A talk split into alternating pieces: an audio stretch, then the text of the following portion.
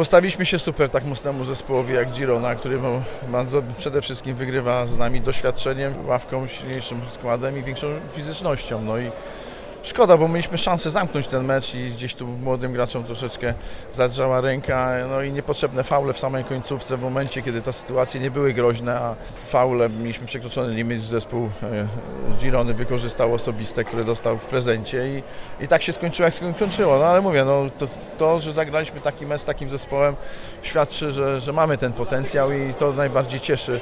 Kilka indywidualności po stronie przeciwnej też miało swój, swój wymiar, no, wiadomo, ten szalony rzut Mitchell 3 e, plus 1, no myślę, że to był, e, to był taki kluczowy moment, gdzie nie dość, że doszły nas na jeden punkt, to w tym rzucie to jeszcze uwierzyły, że ten mecz mogą wygrać. Chwała im za to, chwała dziewczynom naszym, że zagrały dzisiaj doskonałe spotkanie.